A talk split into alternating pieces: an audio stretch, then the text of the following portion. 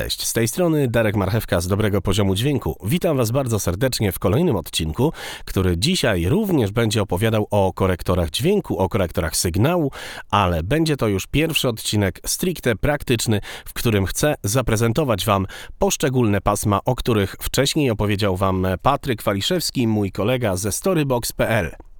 E, Patryk Waliszewski bardzo ładnie i w miarę sprawiedliwie podzielił pasma, e, z którymi najczęściej będziecie spotykać się, e, czy to w produkcji, postprodukcji, czy miksu muzyki, nie tylko. Jako, że moje podcasty głównie są dedykowane podcasterom, lektorom, wokalistom, no to ja też na tych właśnie pasmach będę się koncentrował. Oczywiście jak najbardziej te odcinki dedykuję również e, osobom, które e, trudnią się miksem, masteringiem, aczkolwiek e, podcast ten, jak poprzednie, mm, związane z korekcją sygnału, raczej proponuję osobom początkującym.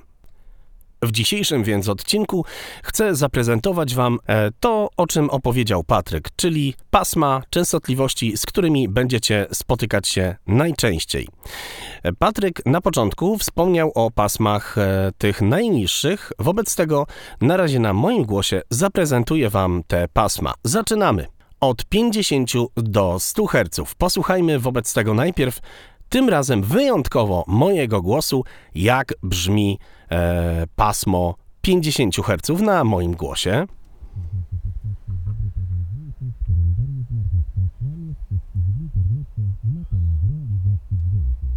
70 Hz. Słuchacie podcastu Dobry Poziom Dźwięku, w którym Dariusz Marchewka kłamie wszystkich w internecie na temat realizacji dźwięku. 100 Hz. Którym Dariusz Marchewka kłamie wszystkich w internecie na temat realizacji dźwięku. 155 Hz. Słuchacie podcastu Dobry Poziom Dźwięku, w którym Dariusz Marchewka kłamie wszystkich w internecie na temat realizacji dźwięku. 250 Hz. Słuchacie podcastu Dobry Poziom Dźwięku, w którym Dariusz Marchewka kłamie wszystkich w internecie na temat realizacji dźwięku. 300 Hz. Słuchacie podcastu Dobry Poziom Dźwięku, w którym Dariusz Marchewka kłamie wszystkich w internecie na temat realizacji dźwięku. Dość ważnej częstotliwości, czyli 500 Hz. Słuchacie podcastu Dobry Poziom Dźwięku, w którym Dariusz Marchewka kłamie wszystkich w internecie na temat realizacji dźwięku. Częstotliwość, którą często wycina się podczas obróbki wokalu, uważana jest za tak zwaną nosowość, katar 1500 Hz. Słuchacie podcastu Dobry Poziom Dźwięku, w którym Dariusz Marchewka kłamie wszystkich w internecie na temat realizacji dźwięku. W moim głosie ewidentnie to słychać. Dość podobnie jest z częstotliwościami między 2 a 4 kHz. Posłuchajmy. 2 kHz. Słuchacie podcastu Dobry Poziom Dźwięku, w którym Dariusz Marchewka kłamie wszystkich w internecie na temat realizacji dźwięku. Tu już tak naprawdę zaczyna się minimum naszej prezencji, aczkolwiek e, część wokali właśnie ma również tą nosowość i tutaj e, warto to sprawdzać podczas obróbki. Posłuchajmy jeszcze raz. Słuchacie podcastu Dobry Poziom Dźwięku, w którym Dariusz Marchewka kłamie wszystkich w internecie na temat realizacji dźwięku. To 2 kHz, 4 kHz. Słuchacie podcastu Dobry Poziom Dźwięku, w którym Dariusz Marchewka kłamie wszystkich w na temat realizacji dźwięku. Czyli nasze sybilanty. Słuchacie podcastu Dobry Poziom Dźwięku, w którym Dariusz Marchewka kłamie wszystkich w internecie na temat realizacji dźwięku. To wszystko oczywiście również zależy od y, tak zwanego wokalu, no ale mm, przyjęło się, że tu trzeba rzeczywiście bardzo uważać na częstotliwości. Patryk y, również wspominał, że można tymi częstotliwościami zwojować tyle złego, ile dobrego.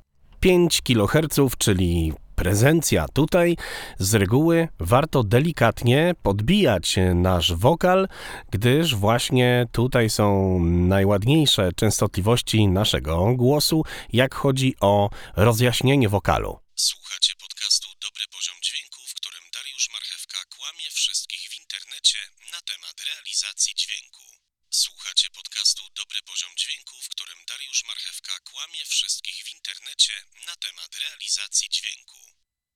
A teraz 10 kHz, czyli piękna góra.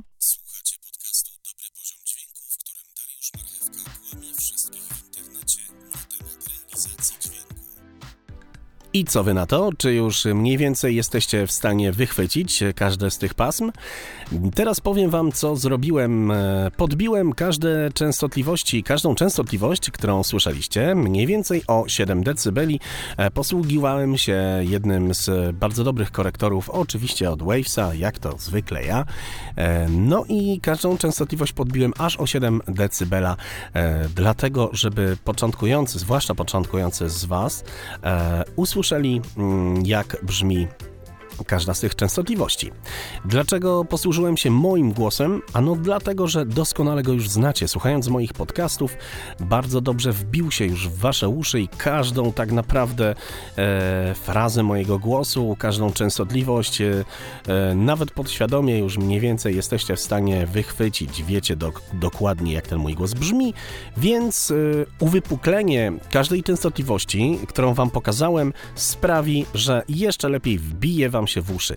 I dodatkowo e, Pokazałem Wam te częstotliwości, o których opowiedział Patryk, plus yy, dokładnie te częstotliwości, które usłyszeliście, bo właśnie z nimi, a, produkując, obrabiając, montując na przykład podcasty albo, albo nagrania lektorskie, będziecie spotykać się najczęściej i to właśnie te częstotliwości e, będziecie tłumić lub podbijać, czyli właśnie robić to, czym, e, do czego stworzony jest korektor, tym, w czym pomaga e, korektor.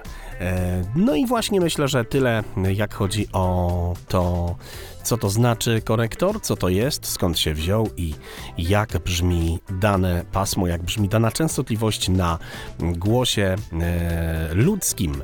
Oczywiście nie zabraknie jeszcze odcinków, które opowiedzą Wam i pokażą, jak e, korektor brzmi na śpiewie i na instrumentach. Postaram się, żeby również takie odcinki były. Natomiast na obecną chwilę to tyle. Trzymajcie się ciepło. Zapraszam na www.podcastymultilektor.pl, a tam do grupy facebookowej. Trzymajcie się. Na razie. Dobry poziom dźwięku. Dołącz do grupy na Facebooku Dobry Poziom Dźwięku Podcast.